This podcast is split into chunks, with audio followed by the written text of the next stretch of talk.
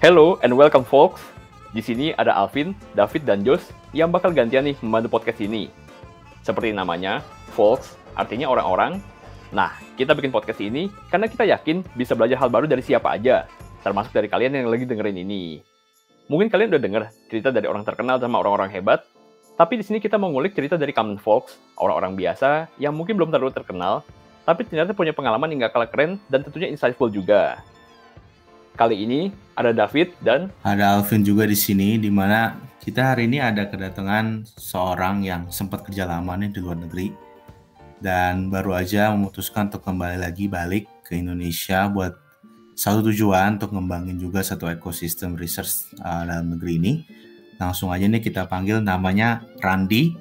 Halo Randi, Thank you banget nih udah mau main ke Fox hari ini sharing-sharing ke kita. Halo. Apa kabar, bro? Halo, halo David. Halo Alvin, halo Fox. Perkenalkan nama gue Randi dan thank you banget udah diundang ke sini. Thank you, thank you Randi udah mau join ke kita.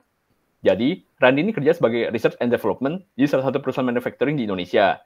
Nah, bisa ceritain sedikit nggak sih, Randi kira-kira lu ngerjainnya apa aja sih sekarang?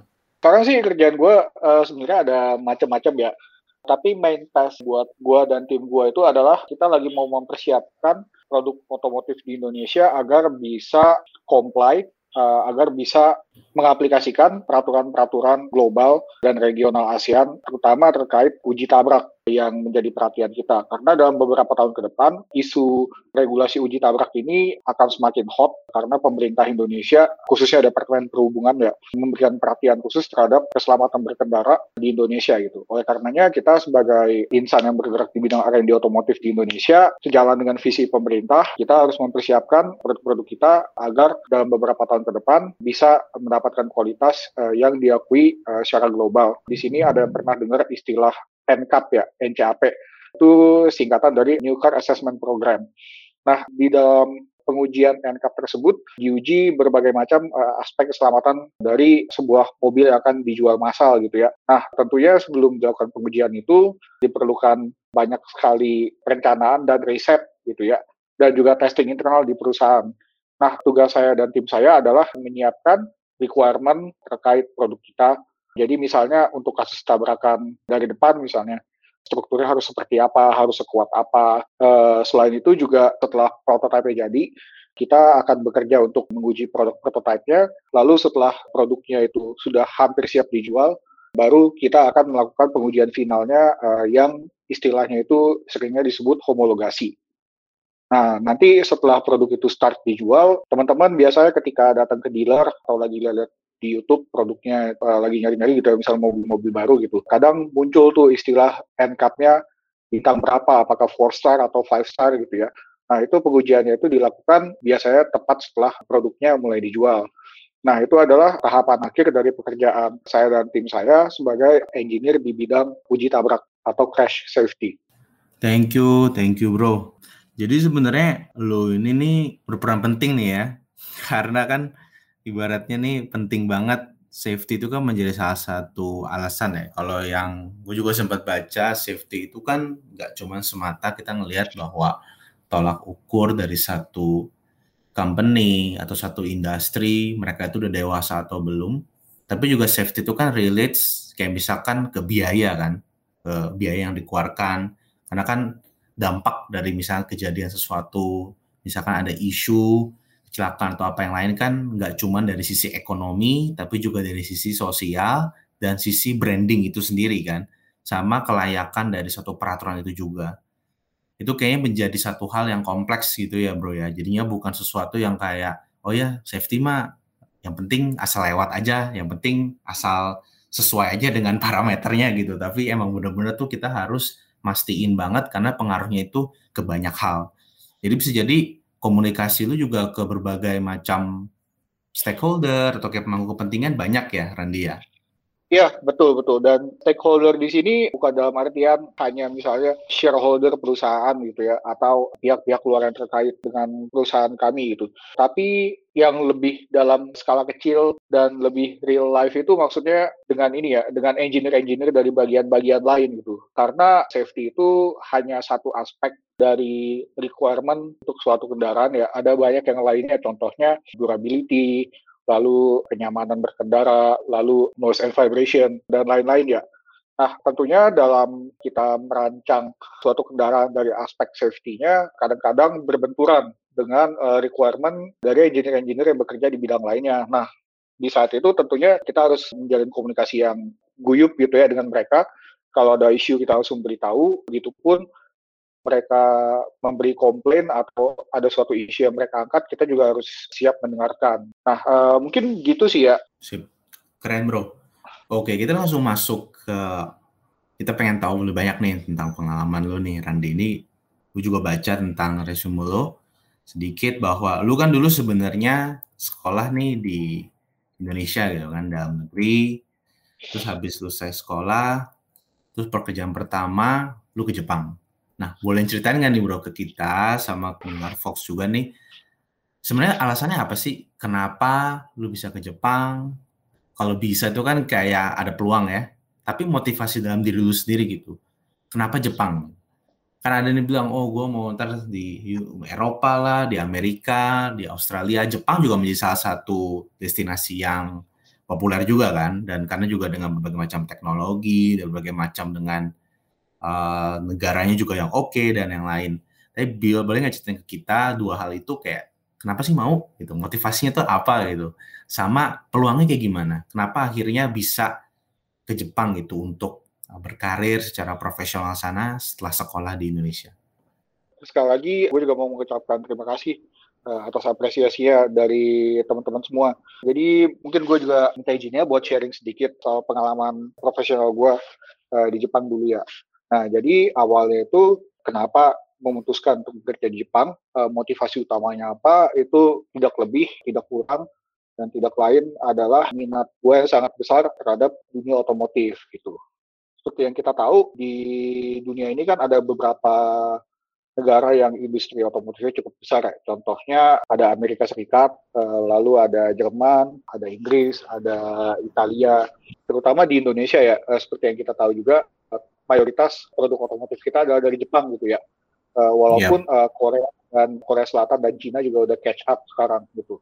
Jadi karena gue pengen bekerja di dunia otomotif ya pilihan-pilihan gue pada saat itu ya negara-negara tersebut. Lebih jauh lagi tadi awalnya sempat galau gitu untuk menjelang lulus kuliah apakah, apakah mau kerja atau mau S2 dulu gitu ya.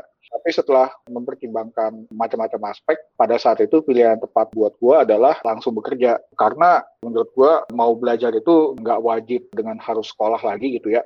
Tapi bisa juga apa belajar sambil bekerja. Malah mungkin dengan belajar sambil bekerja, gue bisa mendapatkan pengalaman-pengalaman profesional yang sulit untuk didapatkan ketika belajar dalam settingan akademik gitu ya. Mulailah gitu kan kayak mencari-cari kerja gitu. Nah, pas di saat itu menjelang lulus kuliah, ternyata uh, dari suatu perusahaan otomotif di Jepang ada buka uh, lowongan gitu. Perusahaan ini mereka mencari apa namanya istilahnya bibit-bibit unggul gitu ya, calon-calon karyawan dari negara-negara Asia terutama gitu yang menjadi market utama dia. Jadi antara lain uh, Indonesia, Thailand, terus uh, China juga gitu. Nah ya udah, terus gue memberanikan diri untuk ikut proses rekrutmennya proses rekrutmennya sih nggak beda-beda jauh ya uh, proses yang kita lakukan ketika mau masuk perusahaan di Indonesia gitu. Nah bedanya waktu tim rekruter dari perusahaannya sendiri mereka dari Jepang terbang ke Jakarta untuk merekrut gua dan beberapa teman-teman lainnya yang masuk bareng gua pada waktu itu. Kenapa Jepang gitu ya? Kenapa gak negara lain? Karena gue melihat Jepang ini selain penetrasi marketnya itu gede banget secara global dan di Indonesia gitu ya, perusahaan otomotif Jepang itu memiliki filosofi yang mengutamakan durabilitas dan uh, kepuasan customer. Buat mereka dalam desain produk itu nggak sekedar oh ini produknya harus bagus nih, mobilnya harus kencang nih. Atau uh, misalnya desain bodinya, pokoknya desain bodinya aja yang bagus gitu, yang lainnya gue nggak peduli gitu. Mereka nggak gitu. Yang sangat diutamakan itu adalah uh, ini tahan uh, atau terhadap uh, ini ya toleransi dalam proses produksi uh, atau terhadap uh, penuaan gitu ya uh, atau terhadap perilaku pengguna yang sudah aneh-aneh gitu. Nah itu hal-hal sekecil itu tuh semuanya dipertimbangkan oleh perusahaan otomotif Jepang. Nah itu terlihat mindset mereka bahwa mereka sangat mengutamakan kepuasan customer gitu. Nah uh, mindset ini yang membuat gue tertarik gitu. Karena sama juga dengan mindset yang gue punya gitu ya. Buat apa gue ngedesain produk bagus-bagus kalau pada akhirnya rusak terus dan nggak bisa dinikmati oleh penggunanya gitu. Nah ini sih uh, yang gue pelajarin selama gue bekerja di Jepang gitu ya. Ya yep, thank you. Tadi itu seru dan menarik. Kalau menurut gue secara nggak langsung itu kan di Indonesia ada juga kan yang bilang setelah lulus S1 dilema kan. Kayak aduh gue sekolah lagi S2 atau gue profesional kerja mana yang lebih baik, mana yang lebih buruk, upside downside-nya segala macam. Kayaknya itu menjadi topik yang nggak pernah ada habisnya. Itu juga sempat lo rasain lumayan lama berarti ya yang tadi lo sempat bilang kayak ini mau S2 dulu atau gimana? Memutuskan kayaknya kerja ya deh karena juga bisa kayak belajar sambil bekerja. Kurang lebih begitu sih, kita di tahun terakhir kuliah gitu kayak galau-galau gitu ya. Karena uh, apa ya pada kenyataannya pada waktu itu di Indonesia belum ada kerjaan yang gua rasa suitable buat gua uh, di bidang uh, R&D otomotif gitu ya. Uh, ya udah pilihan satu-satunya ya keluar negeri gitu uh, either langsung bekerja di luar negeri atau mau kuliah dulu terus lanjut di luar negeri gitu Oke, berarti tadi kan selain ada emang ada keinginan gitu buat karena Jepang tadi filosofinya yang mengutamakan kepuasan customer, mengutamakan durability juga. Tapi selain itu kan juga ada peluangnya kan sebenarnya pas mereka lagi buka rekrutmen di Indonesia waktu itu ya. Tapi kita juga sempat dengar kabar nih, kalau waktu itu seorang Randi itu sebenarnya ditungguin waktu itu belum ready buat langsung kerja gitu. Kita pengen tahu nih, kenapa seorang Randi gitu bisa ditungguin dibandingin kandidat lain yang kita yakin juga hebat-hebat juga gitu maksudnya dan kau udah siap untuk langsung kerja di sana gitu apa sih yang bedain dari antara Randi gitu dengan engineer-engineer lain di R&D situ misalnya? Oke, terkait ini mungkin ya karena gue bisa menunjukkan passion dan minat gue di bidang otomotif secara gamblang waktu proses rekrutmennya itu. Karena ini ya apa uh, eh, gue itu udah berkecimpung di bidang otomotif sejak awal banget masa kuliah gitu. Dari awal masa kuliah, kira-kira dari tahun kedua gitu, begitu masuk jurusan uh, terus langsung terlibat di beberapa proyek uh, otomotif di jurusan itu ya. Contohnya uh, awalnya mainan go-kart, lalu juga proyek yang disebut itu uh, Formula SAE uh, atau Formula Student gitu. Terutama dalam proyek Formula Student ini, ini ya dituntut komitmen dan juga kapabilitas untuk dalam tanda kutip uh, mendesain suatu mobil gitu uh, walaupun mobilnya bukan dengan tujuan diproduksi massal gitu ya. Nah dalam desain itu sekali lagi nggak cuma desain ini ya secara virtual, maksudnya kita cuma bikin uh, modelnya, lalu kita bikin gambarnya, terus produknya nggak kita apa-apain, cuma jadi onggokan kertas, onggokan data tanpa output gitu. Tapi produk yang sudah kita rancang, yang kita pertimbangkan, nih desainnya harus begini, ini ukurannya harus segini, ini bahannya harus pakai ini, kita juga harus hitung ya berapa production cost-nya, kita bikinnya dengan cara apa, dan akhirnya si produk itu eh, komponen per komponen kita produksi satu-satu, lalu uh, mobilnya kita assembly, uh, lalu kita juga harus menguji capability si mobil itu apakah sesuai dengan performance uh, yang sudah kita rencanakan gitu. Pada akhirnya si mobil itu tujuannya adalah untuk dilombakan di uh, event Formula Student yang dilaksanakan setahun sekali di Jepang gitu. Nah, uh, saya karena satu hal dan uh, karena satu dan lain hal di saat gua menjabat sebagai kapten timnya, kami nggak bisa berangkat. Namun mobilnya itu sudah jadi dan kita lakukan pengujian di kampus gitu ya. Dan kita mendapat apresiasi yang besar yaitu baik dari pihak kampus dari pihak jurusan, pihak fakultas, dan pihak bidang kemahasiswaan dari universitas gitu. Utamanya karena proyek yang proyek Formula Student gue lakukan selama kurang lebih tiga tahunan itu, gue bisa menunjukkan kepada recruiter gue pada waktu itu bahwa gue sangat passionate dan berminat dan punya capability di bidang otomotif gitu. Dan gue juga bisa menunjukkan ke mereka kalau gue ini ya masih sangat uh, haus untuk belajar dan siap menghadapi segala tantangan-tantangan Eh, nggak cuma di bidang teknikal gitu ya dari sisi uh, engineering tapi juga dari segi kultural misalnya beranikah gue tinggal di negara lain gitu apakah gue siap bekerja keras gitu ya demi mewujudkan mimpi demi membuat produk yang bisa diterima customer dengan baik gitu. Itu sih gue rasa kuncinya ya. Sehingga uh, recruiter gue pada waktu itu mereka mau menunggu gue kurang lebih selama hampir setahun gitu. Karena waktu itu juga tugas akhir gue agak menemui kendala sehingga kelulusan gue tertunda selama sekitar setengah tahun. Despite that, company gue pada waktu itu uh, mereka mau nungguin karena gue yakin mereka juga bisa melihat potensi di dalam diri gue dan gue sangat mengapresiasi gestur baik dari mereka pada saat itu. Oke, nice. Berarti mungkin bisa jadi pembelajaran juga nih buat teman-teman yang lagi dengerin.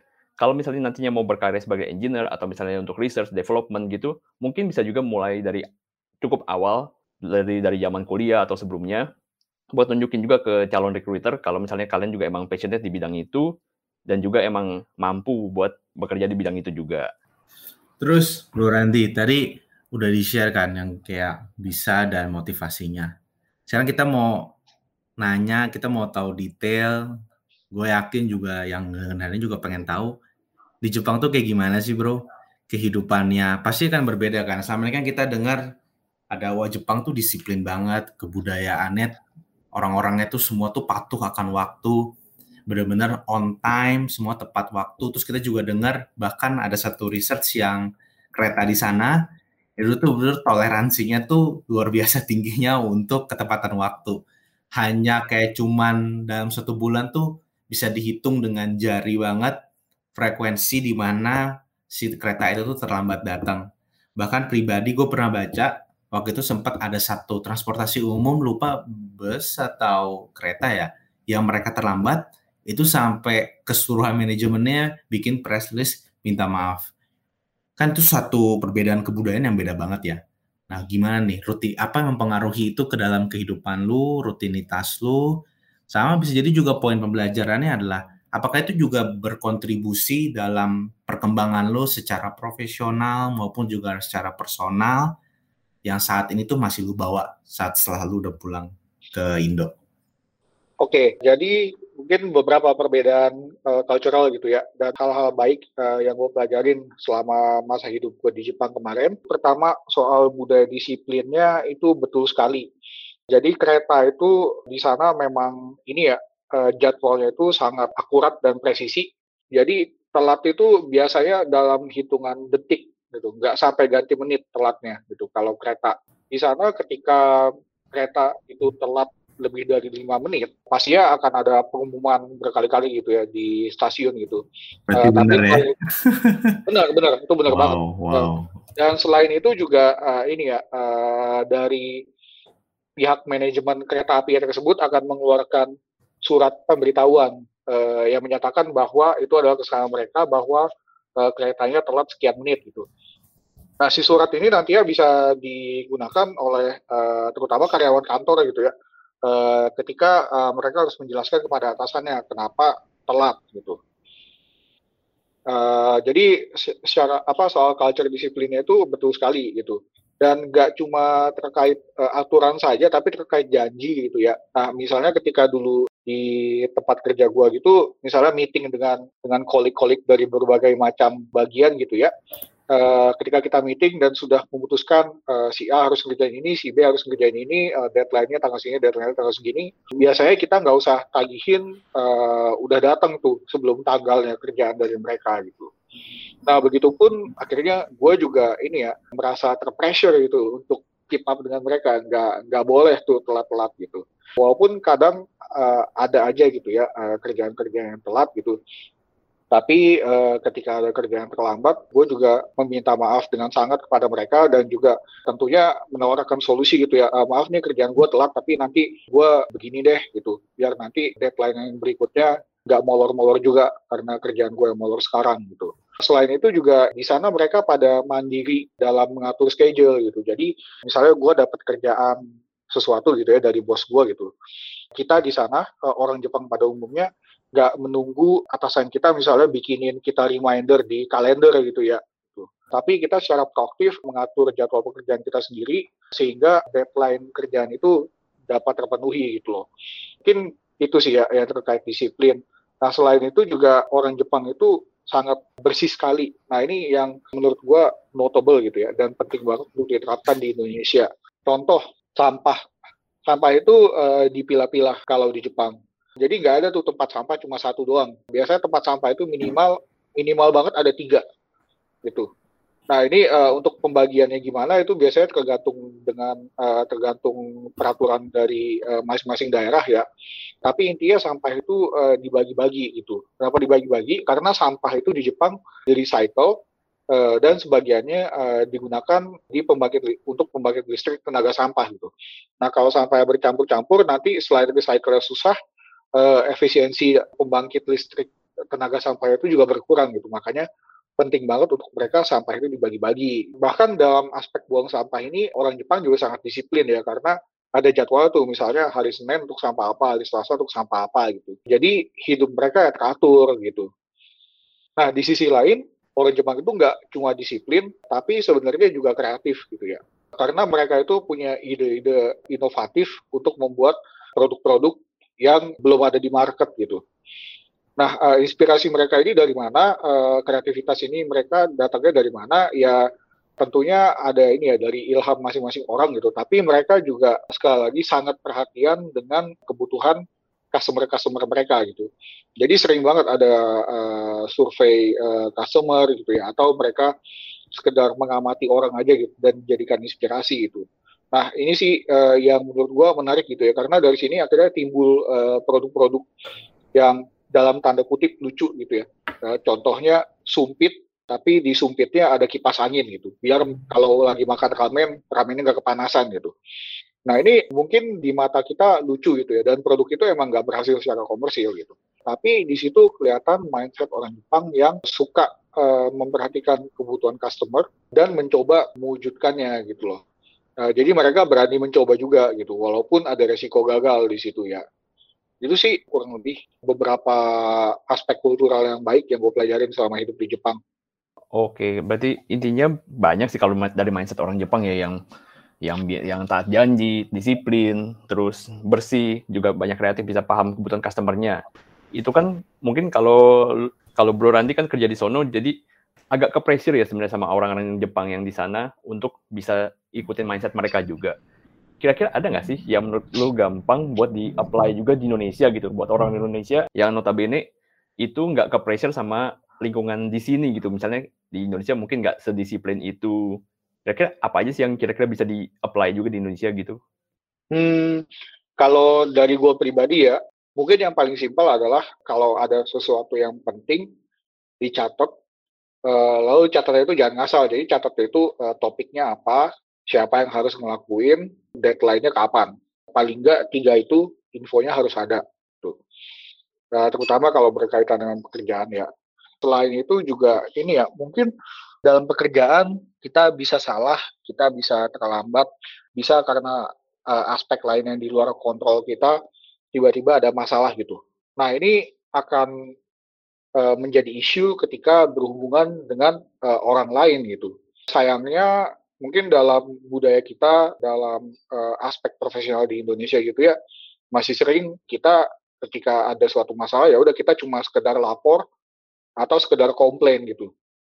Nah, uh, tapi menurut gue sebaiknya nggak kayak gitu. Sebaiknya ketika kita mau komplain gitu ya, atau mau membawa suatu isu yang mungkin berpotensi bikin orang lain menjadi kurang enak, kita juga at least harus menawarkan solusi uh, di situ gitu. Jadi nggak cuma sekedar uh, bos maaf ini kerjaan gue telat uh, besok ya gue minta approval lu gitu, nggak kayak gitu. Tapi bos maaf ini uh, pekerjaan saya telat kayaknya saya nggak bisa ngejar sekarang gitu. Nah ini berhubung uh, ini kerjanya berhubungan sama si bagian X gitu misalnya. Uh, saya udah kok saya udah koordinasi juga dengan si X ini nggak apa-apa kata mereka gitu uh, pekerjaan gue telat satu hari yang sekarang tapi nanti pekerjaan yang setelahnya gue dengan cara ini uh, akan bisa lebih cepat lagi gitu. Jadi kurang lebih gitu sih. Dan ketika misalnya kita juga melempar suatu ide gitu ya, uh, kayak misalnya, oh ini uh, menurut gue produknya mendingan kayak gini nih, ini bagian sini ya perlu dirubah dikit gitu ukurannya, misalnya. Nah di situ kita nggak boleh tuh cuma uh, sekedar melempar ide dan memaksa orang lain mengikuti kehendak kita gitu. Tapi kita juga harus menunjukkan bukti-bukti uh, penunjangnya gitu. Karena mereka pasti nanya, "Ye, lu kenapa ngusulin perubahan sih? Gua udah capek-capek ngedesain, kok lu minta ubah?" gitu. Ye, uh, ini soalnya uh, berdasarkan hitungan kita, berdasarkan simulasi kita, ini ukuran ini harus diubah sehingga uh, bisa mencapai target yang kita mau gitu. Nah, baru dari situ uh, kita bisa mulai negosiasi dengan teman-teman dari bagian lain. Mungkin itu sih karena sampai sekarang dan gue sendiri juga masih pernah melakukan gitu ya. Ketika kita melakukan suatu kesalahan itu atau ketika ada suatu hal apa pun itu yang berpotensi bikin orang lain gak enak gitu ya, kita cuma bisa sekedar bilang komplain uh, dan ya bilangnya paling sorry sorry aja gitu loh. Uh, jarang uh, menawarkan solusi konkret yang bisa membuat pekerjaan ke depannya lancar gitu sih. Sorry, gue cuma mau komen yang nggak butuh diingetin, jadi juga nggak perlu terlalu banyak di follow up ya. Itu yang membedakan itu jadi kayak jadi satu perbedaan budaya yang kayaknya kelihatan banget kan. Sebagai contoh aja bahwa yang tadi lu bilang ketika ada reminder spesifik tanggal berapa, kita udah di udah di meeting, udah tahu nih setiap task PIC-nya siapa, yang ngurusin siapa, itu udah kayak otomatis aja ya kerja sendiri dan kita nggak perlu kayak yang penting nunggu supervisor atau misalkan uh, dari bos gue yang ngetin langsung nggak perlu dinagih itu langsung ngeberesin. Nah, cuman gue pernah baca juga nih Bro Randy bahwa di sisi lain gitu ya, terlepas dari tadi yang kedisiplinan, namun juga pengaruh ke arah profesionalisme kali ya kalau gue bahasanya yang membuat itu kan jadinya kayaknya oke okay banget kan. Terus juga ada inovatif, jadi selalu ingin berusaha menyelesaikan masalah. Di luar tersebut, kita juga tahu bahwa beberapa riset kan menunjukkan Jepang itu juga memiliki salah satu tingkat jam kerja yang cukup tinggi dan juga itu secara nggak langsung juga berdampak lurus terhadap salah satu tingkat stres yang cukup tinggi dibanding dengan kota-kota yang lain di dunia. Nah, lagi pas di sananya, benar-benar di lingkungan di sana, di masyarakat di sana, anggapan seperti tersebut itu kayak gimana sih mengenai jam kerja panjang yang berhubungan kedua hal yang tadi, yang mengenai depresi, ditambah dengan biaya hidup yang tinggi, sosial, tekanan dari sosial juga yang berpengaruh ke sana. Waktu itu di sana gimana tuh, bro? Oke, uh, terkait jam kerja panjang ini mungkin jadi ini ya hot issue. Bener banget. Uh, kita, kita semua ngebahas tentang budaya kerja di Jepang gitu. Mungkin pertama-tama uh, yang perlu diluruskan, Jepang itu udah bukan negara yang jam kerjanya terpanjang ya di dunia sekarang gitu. Karena dalam beberapa tahun terakhir Jepang itu uh, sudah melakukan banyak improvement di bidang itu gitu ya. Teman-teman semua boleh cek sendiri di Google gitu ya bahwa negara-negara dengan jam kerja terpanjang itu kalau gua nggak salah contohnya itu ada uh, eh, US, terus ada Meksiko, lalu ada Korea Selatan, lalu ada China. Tapi Jepang itu yang dulu katanya peringkat satu, sekarang setahu gue bahkan udah nggak di dalam top 10-nya lagi gitu. Uh, walaupun mungkin kalau dibandingin dengan di Indonesia gitu ya, jam kerja rata-ratanya masih agak sedikit lebih tinggi gitu. Nah, ini kenapa jam kerja di Jepang itu bisa panjang gitu ya? uh, sebenarnya ada aspek budaya juga selain aspek profesionalnya gitu. Di Jepang itu loyalitas itu uh, salah satu parameternya adalah jam kerja. Jadi di sana itu anggapannya makin lama lu bertahan di suatu company gitu ya, itu uh, lu dianggap makin loyal dan juga makin capable gitu. Nah, karena ada mindset seperti itu, maka karyawan-karyawan di Jepang itu mereka pada sungkan untuk pulang gitu loh karena mereka nggak pengen kelihatan pulang sebelum bosnya pulang gitu. Takutnya mereka nanti dianggap ah, nggak loyal lah atau nggak bisa diandalkan lah untuk bekerja lah gitu atau nggak mau menerima tantangan lah gitulah. Nah eh, ini menurut gue bukan hal yang baik ya gitu karena akhirnya ketika pekerja di Jepang itu performance-nya dinilai bukan dari output pekerjaan mereka, bukan dari revenue yang mereka berikan untuk perusahaan, tapi lebih dari berapa lama sih mereka ada di kantor? Maksudnya masa kerja mereka udah berapa lama? Mereka rata-rata di kantor itu tiap hari dari jam berapa sampai jam berapa gitu. Pernah nggak cuti? Pernah nggak mangkir gitu ya? Dalam istilah lainnya itu budaya presenteeism gitu ya. Kalau teman-teman gue yakin juga udah pernah dengar istilahnya semua gitu. Itu budaya yang tadinya kental banget di Jepang, tapi sekarang sudah mulai berkurang gitu. Nah, terutama untuk di bidang-bidang industri yang memerlukan kreativitas gitu ya, Contohnya di bidang gue sendiri yaitu uh, eh, R&D gitu. Karena di situ ya walaupun kita engineering tapi kita dalam merancang produk baru tentu perlu kreativitas gitu ya. Jadi kita uh, untungnya nggak terlalu dikekang dengan aturan-aturan jam kerja seperti itu. Malah jam lembur bulanan kita itu dibatasin dulu tuh. Jadi ya ketika lagi ada misalnya lagi ada deadline besar gitu ya, tentu jam kerja yang panjang itu ada gitu. Tapi di luar itu sih menurut gua masih acceptable gitu ya dengan segala macam tantangan, dengan segala macam kerepotan yang kita harus hadapi dalam uh, menyiapkan suatu produk baru gitu. Menurut gua itu apa jam kerjanya masih lumayan manusiawi gitu. Walaupun kadang-kadang ya ada aja gue capek juga gitu anjir gue datang pagi-pagi pulang malam dulu kok begini-begini aja ya gitu tapi itu nggak nggak nggak konstan ya gitu hanya pada saat tertentu aja untungnya oke mungkin lebih harusnya lebih difokusin ke hasilnya kali ya daripada jam panjang kerjanya ya teman balik lagi mungkin ada kalau misalnya jam kerja lebih panjang ya tadi kerja pagi sampai malam mungkin ada hasil yang lebih cuman ya dimaksimalin dicari balance-nya aja lah di antara hasil sama jamnya itu kali ya Iya setuju. Emang harusnya menurut gue ya berpatokan kepada output aja gitu ya. Apalagi kan dengan kondisi sekarang bahkan ke kantor aja kan susah gitu ya untuk beberapa perusahaan gitu. Jadi ya kita fokus kepada outputnya aja kalau menurut gue gitu. Ya lu mau kerja berapa jam sehari, lu mau kerjanya nyambi kerjaan lain kayak mau nyambi ngurus anak kayak mau nyambi e, ngebersihin rumah kayak mau nyambi jalan-jalan ke mana kayak uh, menurut gue nggak masalah selama outputnya itu tetap bisa dikeluarkan di waktu yang sudah disetujui itu. Oke. Nah sekarang Randy kan udah balik ke Indo lagi nih. Ada sempat ada culture hmm. shock gitu nggak sih? Beda beda kultur kayak gitu. Ada kaget nggak sih? Oh iya ada lah ya. Mungkin kalau di tempat kerja gitu ya, yang pada awalnya gue shock itu kayak semua orang nyantai gitu. Kayak mereka tuh nyantai banget tapi lucunya mungkin nyantainya itu karena di sini nggak ada aturan yang sangat mengikat gitu ya tentang misalnya sebulan itu overtime maksimal berapa jam gitu. Pada akhirnya di sini ya udah teman-teman teman-teman kerja gitu mereka santai-santai aja gitu. Misalnya nggak kelar di jam kerja normal, ah ntar kita lemburin aja lah gitu. Kalau misalnya lembur juga uh, masih belum kelar, ah ya udahlah besok-besok aja lah gitu kalau misalnya hari Jumat belum kelar gitu ya, padahal deadline-nya hari Jumat itu tuh, oh ya udah Sabtu Minggu ya kita lembur aja gitu demi ngelarin pekerjaan ini gitu. Uh, ini ya hal, hal seperti ini gitu ya kayak pada awalnya gue kaget kok ada nyantai banget gitu ya kerjanya. Padahal kalau dulu gue nggak ada nih kayak begini karena yang namanya kerjaan itu pasti dikejar-kejar gitu ya sama bagian-bagian lain karena uh, terkait dengan pekerjaan mereka sendiri gitu loh. Itu sih mungkin yang bikin gue cukup shock gitu ya. Tapi pada akhirnya gue dan beberapa kolik uh, yang kita balik dari luar negeri gitu ya untuk bekerja di perusahaan kita yang sekarang itu bersama-sama kita juga sharing dan berusaha ini yang membangun culture yang baik di antara teman-teman kita sekarang gitu. Uh, sehingga sekarang sih keadaannya mulai membaik gitu ya dalam satu dua tahun terakhir gitu. Gue lihat teman-teman gue sekarang bisa lebih semangat dalam mengejar deadline gitu ya dan memastikan pekerjaannya beres uh, hasil pekerjaannya akurat gitu. Dan udah nggak udah nggak terlalu perlu di micromanage lagi gitu loh kalau di luar pekerjaan juga mungkin macet ya soal macet.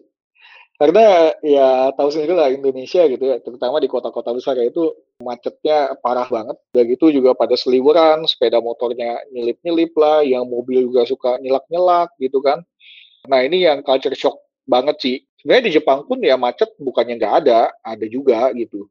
Tapi di sana tuh macetnya rapi gitu. Jadi ya udah kalau macet ya semua orang pada legowo aja gitu ngantri itu sambil di mobil masing-masing gitu.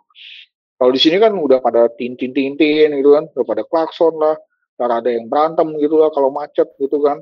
Nah kayak kayak gitu gitu tuh nggak ada di Jepang semua orang ya udah sabar eh, sabar aja gitu. Ya kalau ada apa-apa ya udah gitu. Ya dinikmatin aja ya hidup itu emang nggak selalu manis gitu. Ya kadang ada macetnya kadang ada pahitnya gitu. Ya udah mereka mah sabar-sabar aja slow way sama ya itu sih mungkin terkait uh, kedisiplinan sama kebersihan ya gue cukup shock sih itu yang menurut gue masih perlu banyak diimprove dari Indonesia gitu ya. Kayak sekarang tuh WC itu pada umumnya kotor gitu ya. Kecuali di perkantoran yang uh, let's say di daerah Jakarta Pusat gitu ya misalnya kantor-kantor yang gede-gede yang di skyscraper semua gedungnya atau misalnya di uh, mall-mall terbesar di Indonesia gitu ya. Di luar itu menurut gua WC di Indonesia itu pada umumnya masih nggak layak gitu ya. Kayak lantainya kotor, klosetnya kotor, kadang selang untuk nyiram airnya bocor lah atau mati lah gitu.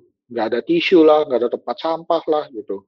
Hal seperti itu yang menurut gua urgent banget untuk diimprove itu. Karena dari uh, eh, WC, dari kebersihan WC itu menurut gue tercermin tingkat kemajuan uh, suatu peradaban gitu ya. Kalau suatu peradaban itu menempatkan prioritas pada kebersihan area yang paling kotornya, berarti area yang paling bersihnya itu kan harusnya bersih semua juga ya. Itu sih uh, menurut gue logikanya ya. Nah, mungkin itu sih yang buat gue cukup culture shock, culture shock ya. Untungnya di perusahaan gue sekarang itu uh, WC-nya proper banget gitu. Nah, itu uh, adalah salah satu faktor uh, yang menurut gue penting banget ya gitu. Karena kebersihan WC itu sangat meningkatkan moral karyawan. Yap, yap. Ya, nambahin dong tadi poin mengenai kayak kebersihan seperti itu ngerefleksikan tingkat kemajuan suatu peradaban tuh buat gue pribadi diskusi hari itu juga bukan cuman menggali tentang lo, tapi juga itu kayak reminder untuk diri sendiri gitu loh bahwa banyak hal yang sebenarnya bisa lo improve juga kan, yang apa yang kita bisa pelajari dari budaya Jepang gitu, dari hal kecil seperti yang kehidupan sehari-hari. Thank you, thank you banget. Oke. Okay. Oke, okay, nice. Tapi berarti Randi juga tadi udah bilang sebagian kayak disiplinnya, kayak kebersihan ke, sama juga solutifnya itu coba dibawa ke Indonesia juga di kantor yang baru yang sekarang mungkin sedikit banyak bisa nyebar juga nih nantinya ke teman-teman yang lain, karyawan-karyawan lain juga biar bisa ngerasain juga nih culture dari Jepang, diimplement juga yang bagus-bagusnya di Indonesia. Tapi kita mungkin belum tentu dikit nih. Kenapa sih awalnya kalau kita sih lihatnya dari jauh enak ya kerja di Jepang. Itu kenapa akhirnya pengen balik lagi gitu ke Indonesia? Faktornya apa sih? Hmm, faktor utamanya ya kalau buat gua adalah ini sih karena dulu teknologi yang gua pelajarin pas bekerja di Jepang itu bisa dibilang umurnya udah nggak panjang. Uh, mungkin cuma beberapa puluh tahun lagi umurnya gitu. Di situ terus gua mulai mikir kalau gua terus mengerjakan teknologi ini, mungkin kalau gua bertahan terus di sini, gua bakal jadi uh, advance gitu ya. Pengetahuan gua bakal bakal makin mendalam. Tapi buat apa gitu? toh uh, teknologinya bakal mati dalam beberapa puluh tahun ke depan. Nah di situ gue terus mulai mencari uh, cara agar gue bisa mempelajari teknologi lain sambil bekerja gitu ya. Uh, selain itu juga ini sih apa beberapa budaya-budaya yang gue pelajari dari Jepang tadi, gue rasa perlu banget gitu ya untuk dibawa pulang ke Indonesia, disebarkan ke teman-teman uh, untuk mendukung perkembangan industri otomotif di Indonesia gitu. Pas pada saat itu juga uh, ternyata company gue sekarang ini mereka lagi ada bukaan, mereka mencari engineer gitu ya untuk bagian R&D-nya gitu. Dan ya udah, gue coba aja dan ternyata diterima gitu ya dan diceritakan kalau di company-nya itu lagi ada project begini-begini, nanti ke depannya kita mau lu yang bertanggung jawab untuk project begini-begini-begini gitu. Dan mereka juga berani menawarkan uh, kompensasi yang menurut gua lumayan kompetitif gitu. Gak tahu kalau menurut orang lain gitu. Nah mungkin itu ya faktor-faktor utamanya gitu. Selain itu juga gua kan udah lama ya, udah lumayan lama berkecimpung di industri otomotif gitu.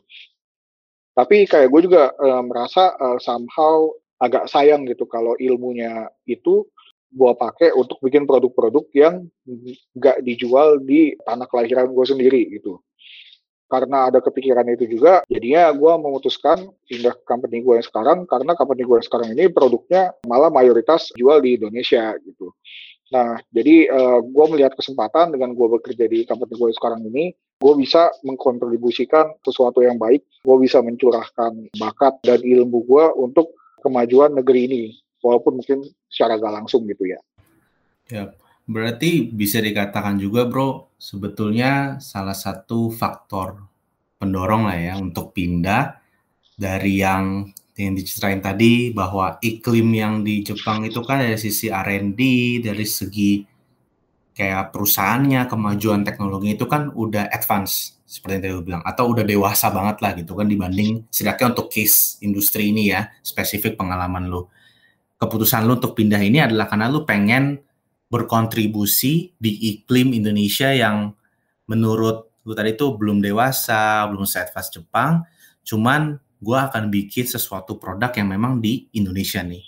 Di tanah air gue sendiri kurang lebih kayak gitu ya bro ya. Itu motivasinya ya makanya nggak apa-apa deh gue pulang dengan situasi yang berbeda, culture shock yang berbeda, yang belum sedewasa itu, belum se-advance itu, tapi nggak masalah. Karena itu akan memenuhi kayak motivasi lu untuk belum terbangun sesuatu yang memang produk yang di Indonesia juga, yang memang di sini adalah ya lu lahir di sini gitu kan ya. Ya betul, kurang lebih sih kayak gitu. Paling kalau misalkan lu udah nge-cover itu semua, lu boleh share nggak ya kayak ke kita set ke depannya kayak rencana lu di professionally yang tadi kan ya lu mau bikin ini, bikin apa, mungkin lu nggak bisa mention spesifik kayak detailnya karena kan itu pasti rahasia atau confidential, tapi kayak secara garis besar ke depannya dari lu sendiri akan ngapain nih, Bro? Dari seorang Randi, apa yang akan lu kejar, apa yang akan lu jadikan target lagi berikutnya. Apalagi kan sekarang kita suasananya kan masih belum benar-benar free kan ibaratnya dari pandemi ini. Ya, oke. Okay. Jadi ke depannya sih dari gue pribadi ya, gue masih uh, tentunya masih pengen melanjutkan untuk mengemban tanggung jawab gue di perusahaan yang sekarang gitu ya. Karena proyek yang mereka percayakan ke gue itu menurut gue cukup menarik dan penting sekali gitu buat perkembangan industri otomotif Indonesia ke depannya gitu.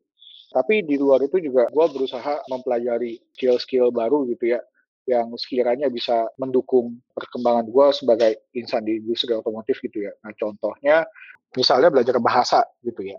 Sekarang gue udah bisa bahasa Indonesia, bahasa Inggris, dan bahasa Jepang gitu. Tapi kan negara-negara yang adalah kiblat industri otomotif itu nggak cuma tiga negara tersebut gitu ya. Nah contohnya misalnya Jerman gitu ya. Jadi gue melihat ada value kalau misalnya gue belajar bahasa Jerman juga karena banyak vendor-vendor kita, supply chain kita yang yang perusahaan Jerman juga gitu. Di situ misalnya gue bisa uh, ngerti bahasa Jerman, menurut gue di situ bisa membuka peluang gitu ya untuk peluang-peluang kerjasama dengan mereka dan harapannya dengan gue bisa bahasa Jerman, gue bisa komunikasi lebih lancar langsung dengan petinggi-petinggi mereka gitu. Selain itu ya selain belajar bahasa, dengan ilmu yang gue pelajarin dari dulu dari zaman kuliah gitu skill-skill engineering. Dan terutama ini ya dalam mendesain suatu produk secara digital gitu ya. Gue nggak mau ilmu itu kayak apa dibiarkan mati begitu saja gitu loh. Dan sekarang jadinya gue lagi ini ya uh, lagi sebenarnya masih dalam tahap brainstorming aja sih ini masih early banget gitu. Tapi gue sama beberapa teman-teman lagi mikir-mikir juga nih dengan ilmu-ilmu engineering yang kita punya bisa nggak ya kita kayak bikin semacam side business gitu mungkin konsultan gitu ya untuk membuat suatu produk uh, yang dibutuhin customer di Indonesia. Nah produknya itu nanti apa dalam bentuk apa kita masih belum tahu. Ini kita masih dalam tahap penjajakan. Kemarin sih ada kayak uh, package software yang lumayan menarik gitu yang kita udah temuin gitu ya. Nah, mungkin ke depan kita mau bikin grup kecil kita mau brainstorming dulu produk apa yang kira-kira bisa diterima sama masyarakat Indonesia. Uh, terus kita mau mulai mendesain, kita mau uh, apa mau mulai 3D modelingnya. Tapi sebelum itu tentunya kita harus ada survei market dulu gitu ya. Nah, jadi nanti kalau misalnya nih uh, Bro David, Bro Alvin gitu ya, tiba-tiba uh, gua WA terus gua kirim suatu kuesioner, jangan kaget gitu. Saya belum tahu sih kapan. Santai nah, bro. Uh, Iya, jadi kayak siap. apa kayak nanti kita bakal jadi modeling, terus kita bikin gambar tekniknya, terus si produknya itu kita simulasiin secara digital, sehingga produk yang kita jual itu nanti nggak cuma asal kejual gitu ya, tapi ya itu uh, balik lagi dengan mindset yang gue pelajarin bisa durable juga gitu loh. Bisa tahan lama sehingga minim komplain dari pelanggan. Gitu sih. Ke depan mungkin itu ya yang uh, lagi gua mau coba rintis gitu gue juga di sini uh, walaupun banyak pengalaman di luar negeri tapi gue sadar masih sebagai manusia gue masih perlu banyak sekali belajar itu ya. Dan eh, nggak uh, mau menutup nggak mau menutup diri terhadap peluang-peluang baru tuh dan terhadap ilmu-ilmu baru yang perlu untuk dipelajarin. Mungkin gitu sih. Oke, thank you banget nih Bro Randy udah mau balik lagi ke Indonesia buat ya tadi ngembangin lagi dari sisi R&D-nya secara teknikal ataupun juga kayaknya lagi mau ngembangin yang buat konsultan maybe ya we'll see lah ke depannya kayak gimana. Semoga apa yang dilakukan bisa mengembangkan industri di Indonesia juga lah ke depannya. Amin. Oke, kalau misalnya bisa kita simpulin, tadi di awal kita udah cover gimana sih caranya buat kerja bisa kerja di luar negeri, apa bedanya di luar negeri, culture-nya kayak gimana. Contohnya kayak tadi Randy di Jepang itu banyak yang bisa diambil soal disiplinnya, soal kebersihannya, gimana untuk bisa cari solusi. Ujungnya juga kita balik lagi buat ngeliat gimana secara kita bisa ngembangin apa yang ada di Indonesia, kita lihat peluang-peluangnya, dan juga ujungnya nanti grand plan-nya itu buat ngembangin research yang lebih baik lagi ke depannya. Thank you banget Bu Randi udah mau nyempetin datang ke Fox, cerita ke kita. Sama-sama bro, it's my honor. Thank you banget Bro Randy. Thank you banget. Kita belajar banyak banyak profesional, personal, dan kedisiplinan yang tadi semua. Thank you banget. Sukses di kerjaan sama semoga yang tadi rencana yang untuk bisnis, yang di konsultan atau apa pun itu benar-benar kejadian di tahun-tahun berikutnya. Thank you. Thank you banget Bro Randy.